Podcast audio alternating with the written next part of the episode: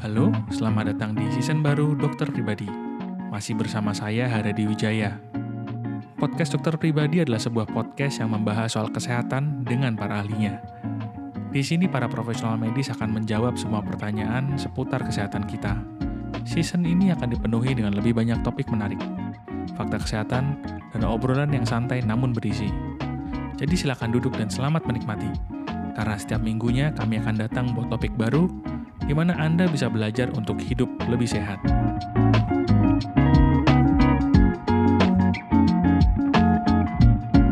Halo pendengar, selamat datang di podcast Dokter Pribadi kembali bersama saya Haradi Wijaya. Memiliki gigi putih dan sehat adalah idaman semua orang. Perkembangan teknologi dan kesehatan memberikan berbagai macam cara untuk kita memiliki gigi putih dan sehat. Nah, untuk mengupasnya lebih dalam, di sesi ini saya sudah ditemani oleh Dokter Gigi Alexander Anugrah Putra dari Bandung. Halo dok, selamat sore. Halo, halo di sore-sore. Halo semua pendengar. Bagaimana kabarnya nih dok di Bandung nih, weekend-weekend? Ya, syukur baik dan sehat-sehat semua. Sehat-sehat juga di? Sehat, sehat, sehat. Puji Tuhan sehat sih di sini semua. Nah, kita sebagai awam itu tuh kayak Iya, punya konotasi tuh gigi yang sehat itu harus putih dok. Bener nggak sih Iya. sebenarnya? ya jadi sebenarnya itu paradigma umum ya, Hmm. paradigma umum yang terbentuk dari mungkin dari orang tua kita, dari mungkin lingkungan kita. Ya sebenarnya tidak salah sih ya. Hmm. Gigi yang sehat, gigi putih itu adalah gigi yang sehat. Tapi gigi yang putih itu juga belum tentu sehat Oh, itu. oke. Jadi eh, banyak ba- ada banyak faktor yang eh, bisa menyebabkan gigi itu tidak sehat walaupun eh, berwarna eh, terlihat putih gitu. Oh, oke berarti gigi yang sehat biasanya putih, tapi gigi yang putih belum tentu sehat berarti dok ya? Iya, betul sekali. Di. Oh, oke oke oke. Nah, banyak lah orang tuh pengen punya giginya putih gitu, karena merasa entah giginya kuning lah atau giginya ada ada nodanya dan sebagainya gitu dok. Nah, sebenarnya apa sih yang terjadi? Kok gigi kita gigi kita kan lahir berarti awalnya putih semua ya dok ya? Kalau kita awal-awal Iya, lahir iya. putih semua kan, tumbuh tuh putih semua awalnya. Kok terus Iya, bisa iya. jadi kuning atau bahkan kecoklatan tuh kenapa sih dok? Sewaktu kita lahir gitu ya, waktu kita bayi lahir itu gigi yang pertama kali muncul atau gigi yang pertama kali tumbuh itu adalah gigi susu Hmm. atau gigi anak-anak. Hmm. Dan gigi anak-anak ini biasanya eh hampir 99% itu warnanya putih. Hmm. Jadi jarang kita lihat misalnya eh, anak-anak bayi gitu giginya agak kekuningan eh, atau malah kecoklatan itu jarang sekali. Hmm. Hmm. Atau itu mungkin terjadi hanya satu persen lah. Lalu kenapa gigi kita bisa kuning gitu? Hmm. Jadi sebenarnya gigi kita itu terdiri dari ada be- beberapa lapisan. Pertama yang dari paling luar itu adalah lapisan enamel. Nah, lapisan ini adalah lapisan pelindung yang sangat keras ini yang mel- melindungi gigi kita dari lubang. Lalu ada lapisan kedua ini ada lapisan dentin. Nah, ini adalah jaringan keras dengan tabung-tabung kecil yang eh, warna dentin ini bisa berbeda-beda pada setiap orang. Itu Oh. ada, ada banyak faktor yang eh, bisa mempengaruhinya gitu. Pertama misalnya dari ras. Oke. Jadi ada ras-ras tertentu yang warna giginya condong ke putih, ada ras-ras ter- tertentu yang warna giginya condong ke kuning Oh. gitu. Yang yang condong ke putih itu apa dok biasanya dok? Mungkin bisa kita lihat ya ras-ras eh, negroid ya Oh. atau kayak saudara-saudara kita dari misalnya dari Indonesia Timur, terus dari Afrika itu kita lihat kan warna giginya putih ya? Cukup putih gitu ya, Aha. betul. Faktor kedua itu adalah genetik. Genetik ini atau keturunan ini bisa mempengaruhi warna gigi, Hmm. begitu. Berarti intinya itu adalah tidak ada orang yang diciptakan dengan satu standar warna dentin yang sama putih itu enggak ya dok ya? Memang memang beda-beda Betul, satu, orang betul. orang Setiap yang- orang berbeda-beda. Hmm. Faktor yang ketiga itu adalah usia. Semakin bertambahnya usia, kadang warna gigi kita akan bertambah semakin kuning. Lalu ada faktor lagi yang keempat itu faktor penyakit. Jadi ada beberapa faktor penyakit yang membuat warna dentin kita itu berubah. Penyakit-penyakit infeksi yang meng- mengakibatkan demam itu bisa membuat warna dentin kita berubah. Lalu eh, faktor yang kelima ini adalah adanya cedera atau trauma pada gigi. Itu bisa mengakibatkan perubahan warna gigi. itu berarti istilah sebenarnya banyak banget ya kalau saya bilang faktornya kayak kita menua berarti otomatis bakal bakal istilahnya tidak seputih waktu kita muda istilahnya itu satu. Kemudian Iya. ada faktor penyakit juga. Kalau faktor kebiasaan dok ada yang bilang kan kebanyakan minum kopi sama teh. Itu ntar giginya kuning loh ntar. Bener nggak itu dok? Nah, itu bisa dibilang itu mitos yang yang merupakan fakta juga itu. oke oke. Jadi kalau kita minum kopi, minum teh bisa merubah warna gigi itu benar banget. Jadi Hmm, nah bisa diakibatkan oleh ada dua faktor ya kalau misalnya kalau karena noda ini ya. mm, mm, Kita bahas dari noda ekstrinsik dulu itu bisa diak- diakibatkan oleh teh, mm, kopi, tar dan nikotin pada rokok ya mm, mm, dan eh, minuman soda. mm, mm, mm, mm. Nah, sedangkan kalau noda intrinsik ini, ini biasa disebabkan oleh penggunaan antibiotik pada saat di dalam kehamilan. Misalnya, ibunya banyak mengkonsumsi antibiotik pada saat eh, mengandung. Nah, biasanya warna gigi anak itu akan menguning atau bahkan ke coklat, coklat kehitaman gitu di. itu ngefek ya ya saya pernah pernah, pernah sempat dengar situ kayak nggak boleh kebanyakan minum antibiotik waktu hamil oh emang ada ada efeknya ke sana ya dok ya Iya betul di. saya mau mau ke belakang sebentar dok tadi kan dokter ngomong bahwa yang menentukan warna gigi seorang itu kan dentin Iya. padahal di atasnya dentin itu kan ada, ada lapisan enamel nah berarti sebenarnya enamel itu lapisan paling luar tuh bening gitu dok warnanya bagaimana Nah, jadi kalau misalnya dilihat secara mikroskopis ya, Hmm. warna enamel kita itu warnanya itu eh, biru eh, putih kebiru-biruan gitu loh. Hmm, hmm, hmm, hmm. Nah, jadi ya kita bisa lihat misalnya dari produk-produk pasta gigi itu banyak warnanya kan ya identik putih, biru, Hmm, eh, biru muda. Jadi eh, biar menggambarkan gigi itu sendiri gitu. hmm, hmm, hmm, hmm. Gitu. di enamel kalau ada nodanya otomatis jadi kuning lah dok ya Iya, betul di Iya, gitu. iya, iya. Oke, nah di luar sana tuh kayaknya ya, kayaknya bahan jualan yang paling banyak dipakai oleh brand-brand di luar sana itu adalah produk kalau untuk produk perawatan gigi ya, itu adalah memutihkan atau menjaga gigi untuk tetap putih gitu. Iya. Paling sederhananya pasta gigi deh. Sebenarnya kalau lihat tadi dokter udah cerita bahwa faktornya macam-macam nih bisa jadi ada masalah di dentinnya. Apalagi kalau misalnya kita ngomong faktor genetik, terus faktor ras juga berpengaruh.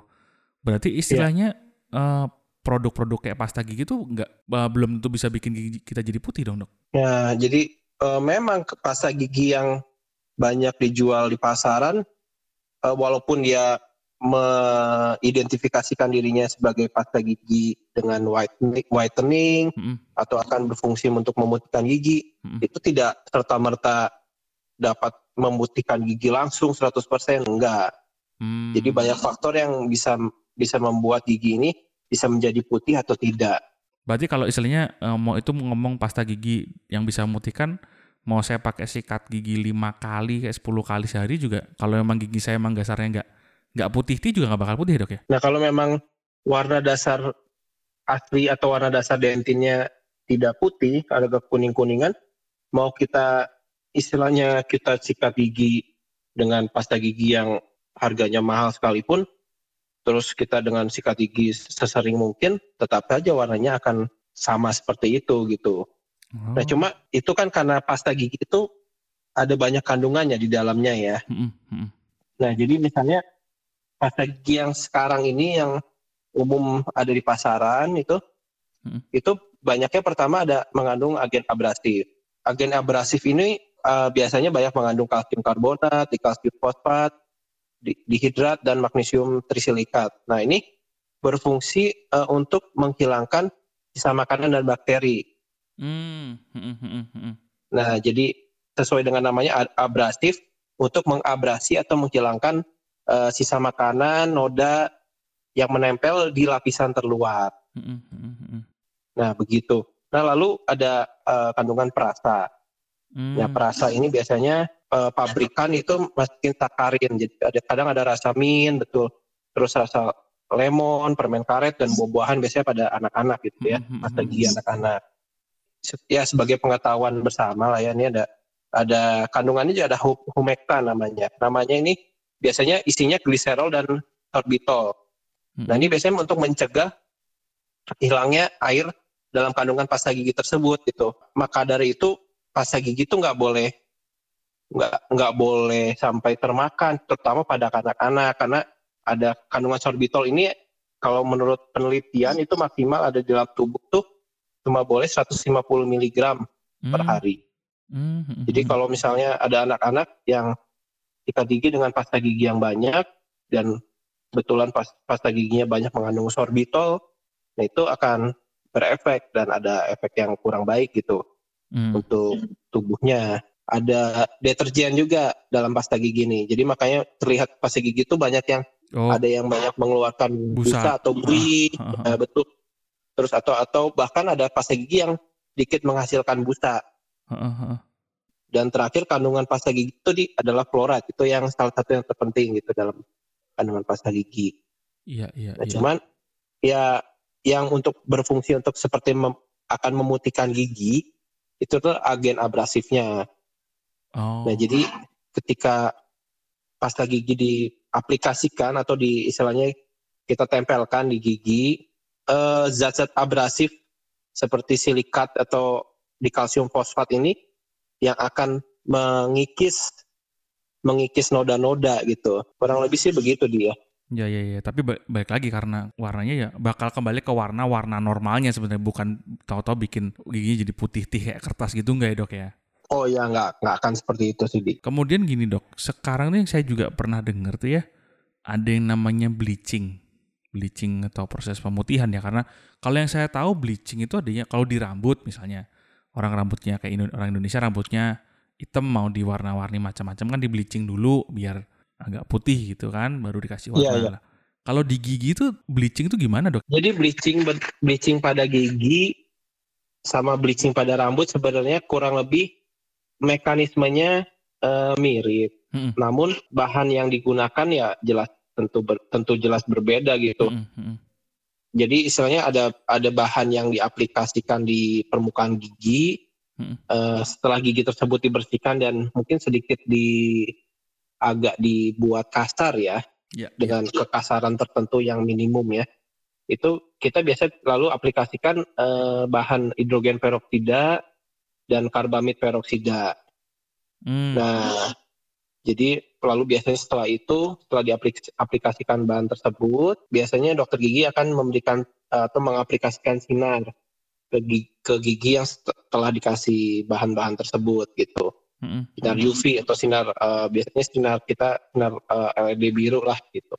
Kalau di rambut itu kan bener-bener bleaching itu merontokkan warnanya kan dok, merontokkan warna rambut.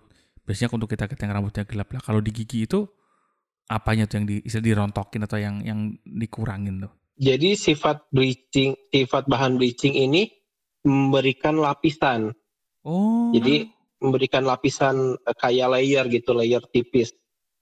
oh. gitu dan eh, dengan catatan gigi tersebut harus sudah dibersihkan dulu istilahnya kita di scaling dulu tidak be- bebas dari karang gigi bebas dari Hmm. noda dari dari stain bekas bekas eh, kopi teh dan segala macam lalu diaplikasikan bahan tersebut bahan tersebut akan em, masuk ke dalam istilahnya pori-pori giginya pori-pori dentinnya gitu setelah masuk pori-pori dentin lalu eh, akan memberikan sedikit lapisan gitu.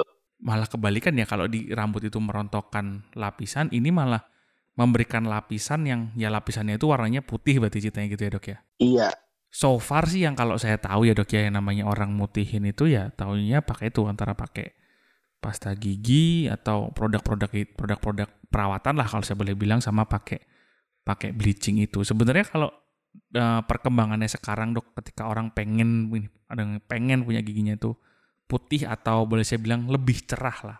Itu ada teknologi atau produk lain nggak dok yang sekarang tuh umum dipakai di kedokteran gigi?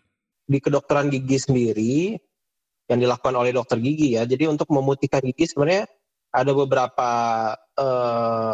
Metode. cara Mm, mm, ya.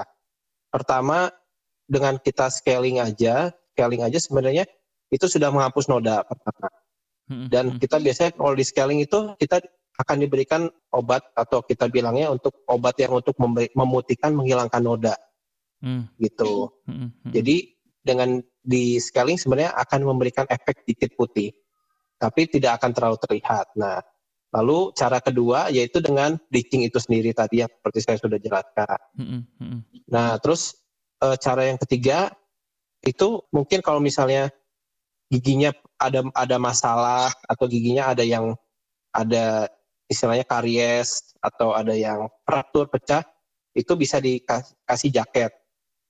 Hmm. Nah itu akan pasti memutihkan warna gigi karena itu seperti dikasih gigi palsu, gigi tiruan. Hmm. Nah yang lalu yang keempat yang yang mungkin sekarang lagi ngetren juga itu adalah dengan vinir. Hmm. Vinir gigi itu memberikan kayak istilah gigi dilapis di lap, uh, bagian depannya saja. Hmm. Itu istilahnya seperti casing HP gitu di Hmm, hmm, Jadi hmm. cuma nempel di bagian luarnya aja, gitu. Hmm, ya sebenarnya banyak ya metode dari dari murni dari pengikisan lapisan-lapisan yang mungkin mengotori sampai istilahnya pemberian lapisan untuk mencerahkan sampai istilahnya kayak dikasih casing istilahnya yang paling sekarang ya dok ya. Iya iya betul vinir itu. Nah, ya. kemudian pertanyaan sih jadi gini dok, sebenarnya nih sebenarnya bisa nggak kita make kalau saya mungkin sekarang ngomongnya bukan gigi putih ya, tapi gigi yang cerah nih. Gigi yang cerah, gigi yang warnanya itu adalah warna yang uh, warna naturalnya, warna normalnya itu itu bisa nggak jadi indikator bahwa oh giginya orang ini atau kesehatan mulutnya orang ini sehat gitu atau baik gitu? Ya sebenarnya uh, gigi yang lebih cerah, hmm. lebih warna yang lebih natural, sebenarnya ya bisa di, bisa dibilang giginya sehat. Hmm. Tapi seperti yang seperti yang saya jelaskan di awal juga, tapi namun belum tentu belum tentu sehat 100% juga. Hmm. Nah, jadi mungkin itu dilihat dari faktor orang yang giginya warnanya lebih putih, lebih lebih cerah, orang tersebut lebih peduli, lebih care akan akan kesehatan gigi dan mulutnya dia. So, hmm. maka dari itu orang orang tersebut pasti kan akan rajin cek ke dokter gigi, akan rajin dibersihkan, di scaling segala macam, sehingga meminimalisir terjadinya masalah pada gigi berupa lubang atau masalah pada gusi, gusinya tersebut gitu di. Hmm. Jadi hmm. saya bisa bilang nggak pas nggak pasti sehat, tapi hmm. bisa di, bisa bisa jadi salah satu indikator lah gigi putih, gigi cerah kalau gigi gigi orang tersebut itu sehat gitu. Hmm. Oke, sekarang tips ya. dan triknya apa nih dok buat buat kita kita ya karena tadi seperti saya katakan di awal semua orang tuh pengen giginya putih, giginya cerah lah. Jadi mungkin ini cara-cara simpel sih ya yang hmm. bisa kita lakukan sendiri di rumah. Hmm. Yang pertama pasti dari hal yang paling simpel ya pasti kita harus kurangi uh, makanan minuman yang berwarna yaitu biasanya apa teh, kopi. Hmm. Kita pasti harus kurangi itu. Hmm. Nah lalu kedua kalau misalnya kita memang sudah kurangi hmm. uh, konsumsi teh, kopi dan makanan berwarna lainnya. Misalnya kita minum teh kopi, kalau bisa sering-sering menggunakan sedotan. Hmm. Kenapa? Hmm. Karena uh, supaya si cairan teh atau kopi tersebut tidak menempel langsung atau membasahi langsung gigi.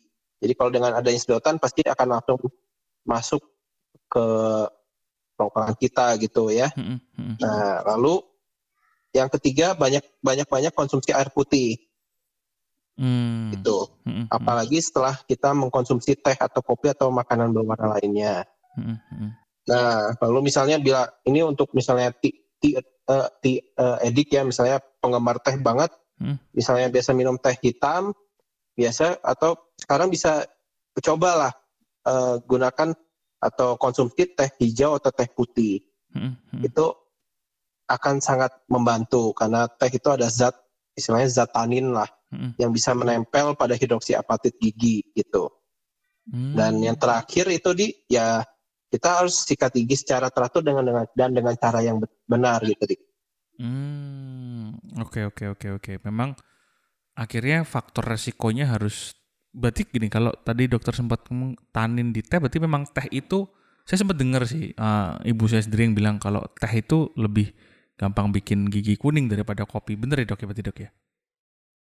Kalau untuk eh, efek membuat gigi kuningnya kalau menurut penelitian sebenarnya sama ya. Mm-mm. Sebenarnya sama karena zat tanin itu ada pada ada di dalam teh dan di dalam kopi juga. Itu sama-sama ada sama-sama ada di kopi dan teh. Mm. Zat tanin ini merupakan zat kromogen. Jadi kromogen itu akan meru- merubah kroma, kroma warna dari sesuatu ya dalam hal ini gigi gitu. Oh. Nah, zat ini akan menempel mudah sama dengan hidroksiapatit gigi. Jadi gigi kita itu kalau boleh saya jelaskan juga itu terdiri dari eh, istilahnya zat hidroksiapatit atau kita sering dengar kalsium hidroksiapatit. Nah, zat tanin ini mudah sekali menempel Mm. pada zat eh, pada kalsium hidroksiapatit yang ada di gigi kita. Oke oke oke oke oke oke. Memang ya, tapi Jadi sama- mungkin kayaknya kalau mungkin karena kita dari kita tinggal di Jawa gitu ya, iya ya karena mungkin konsumsi teh itu lebih dominan. lebih ya. sering dan lebih lazim. Iya, Jadi iya. makanya banyak orang tua atau keluarga bilang minum teh lebih banyak, lebih dapat membuat gigi kuning ya. Mungkin dari situ ya. Iya iya iya iya iya. iya. Walaupun malah sebenarnya efeknya sama juga yang yang baik ya sebenarnya minumnya air putih aja ya dok ya. Ya, Oke oke.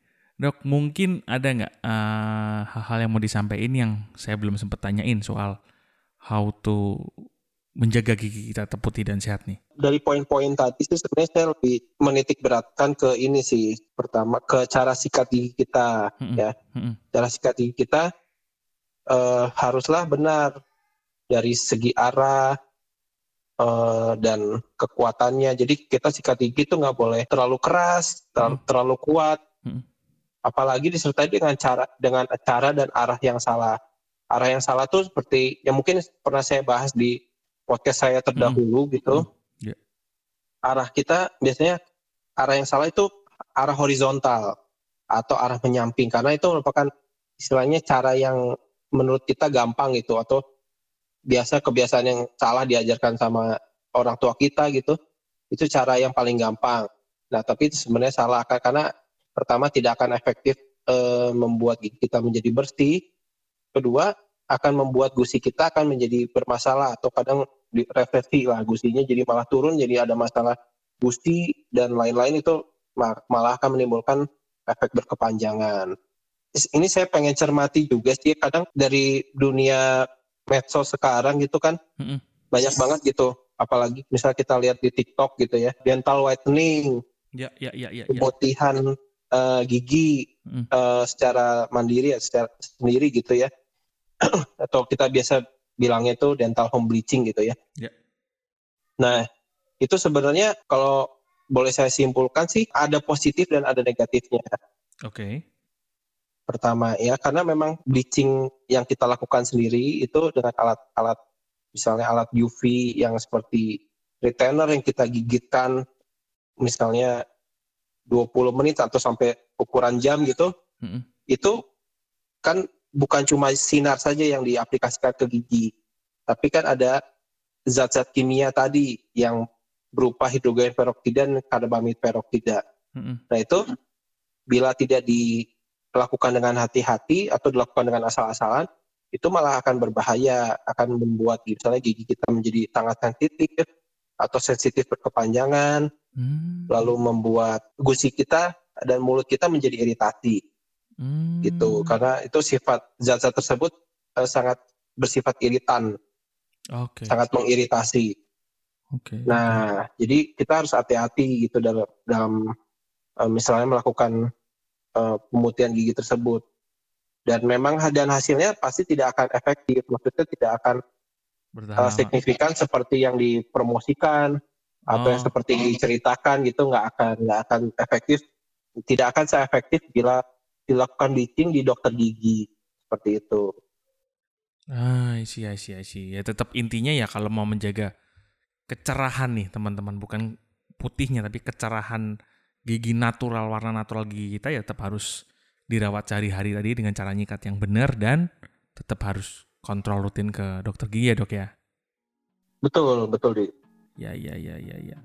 Oke, mungkin kira-kira begitu, Dokter Alex. Lagi thank you banget di. udah menjawab Oke. penasarannya kita sama fenomena fenomena gigi putih akhir-akhir ini.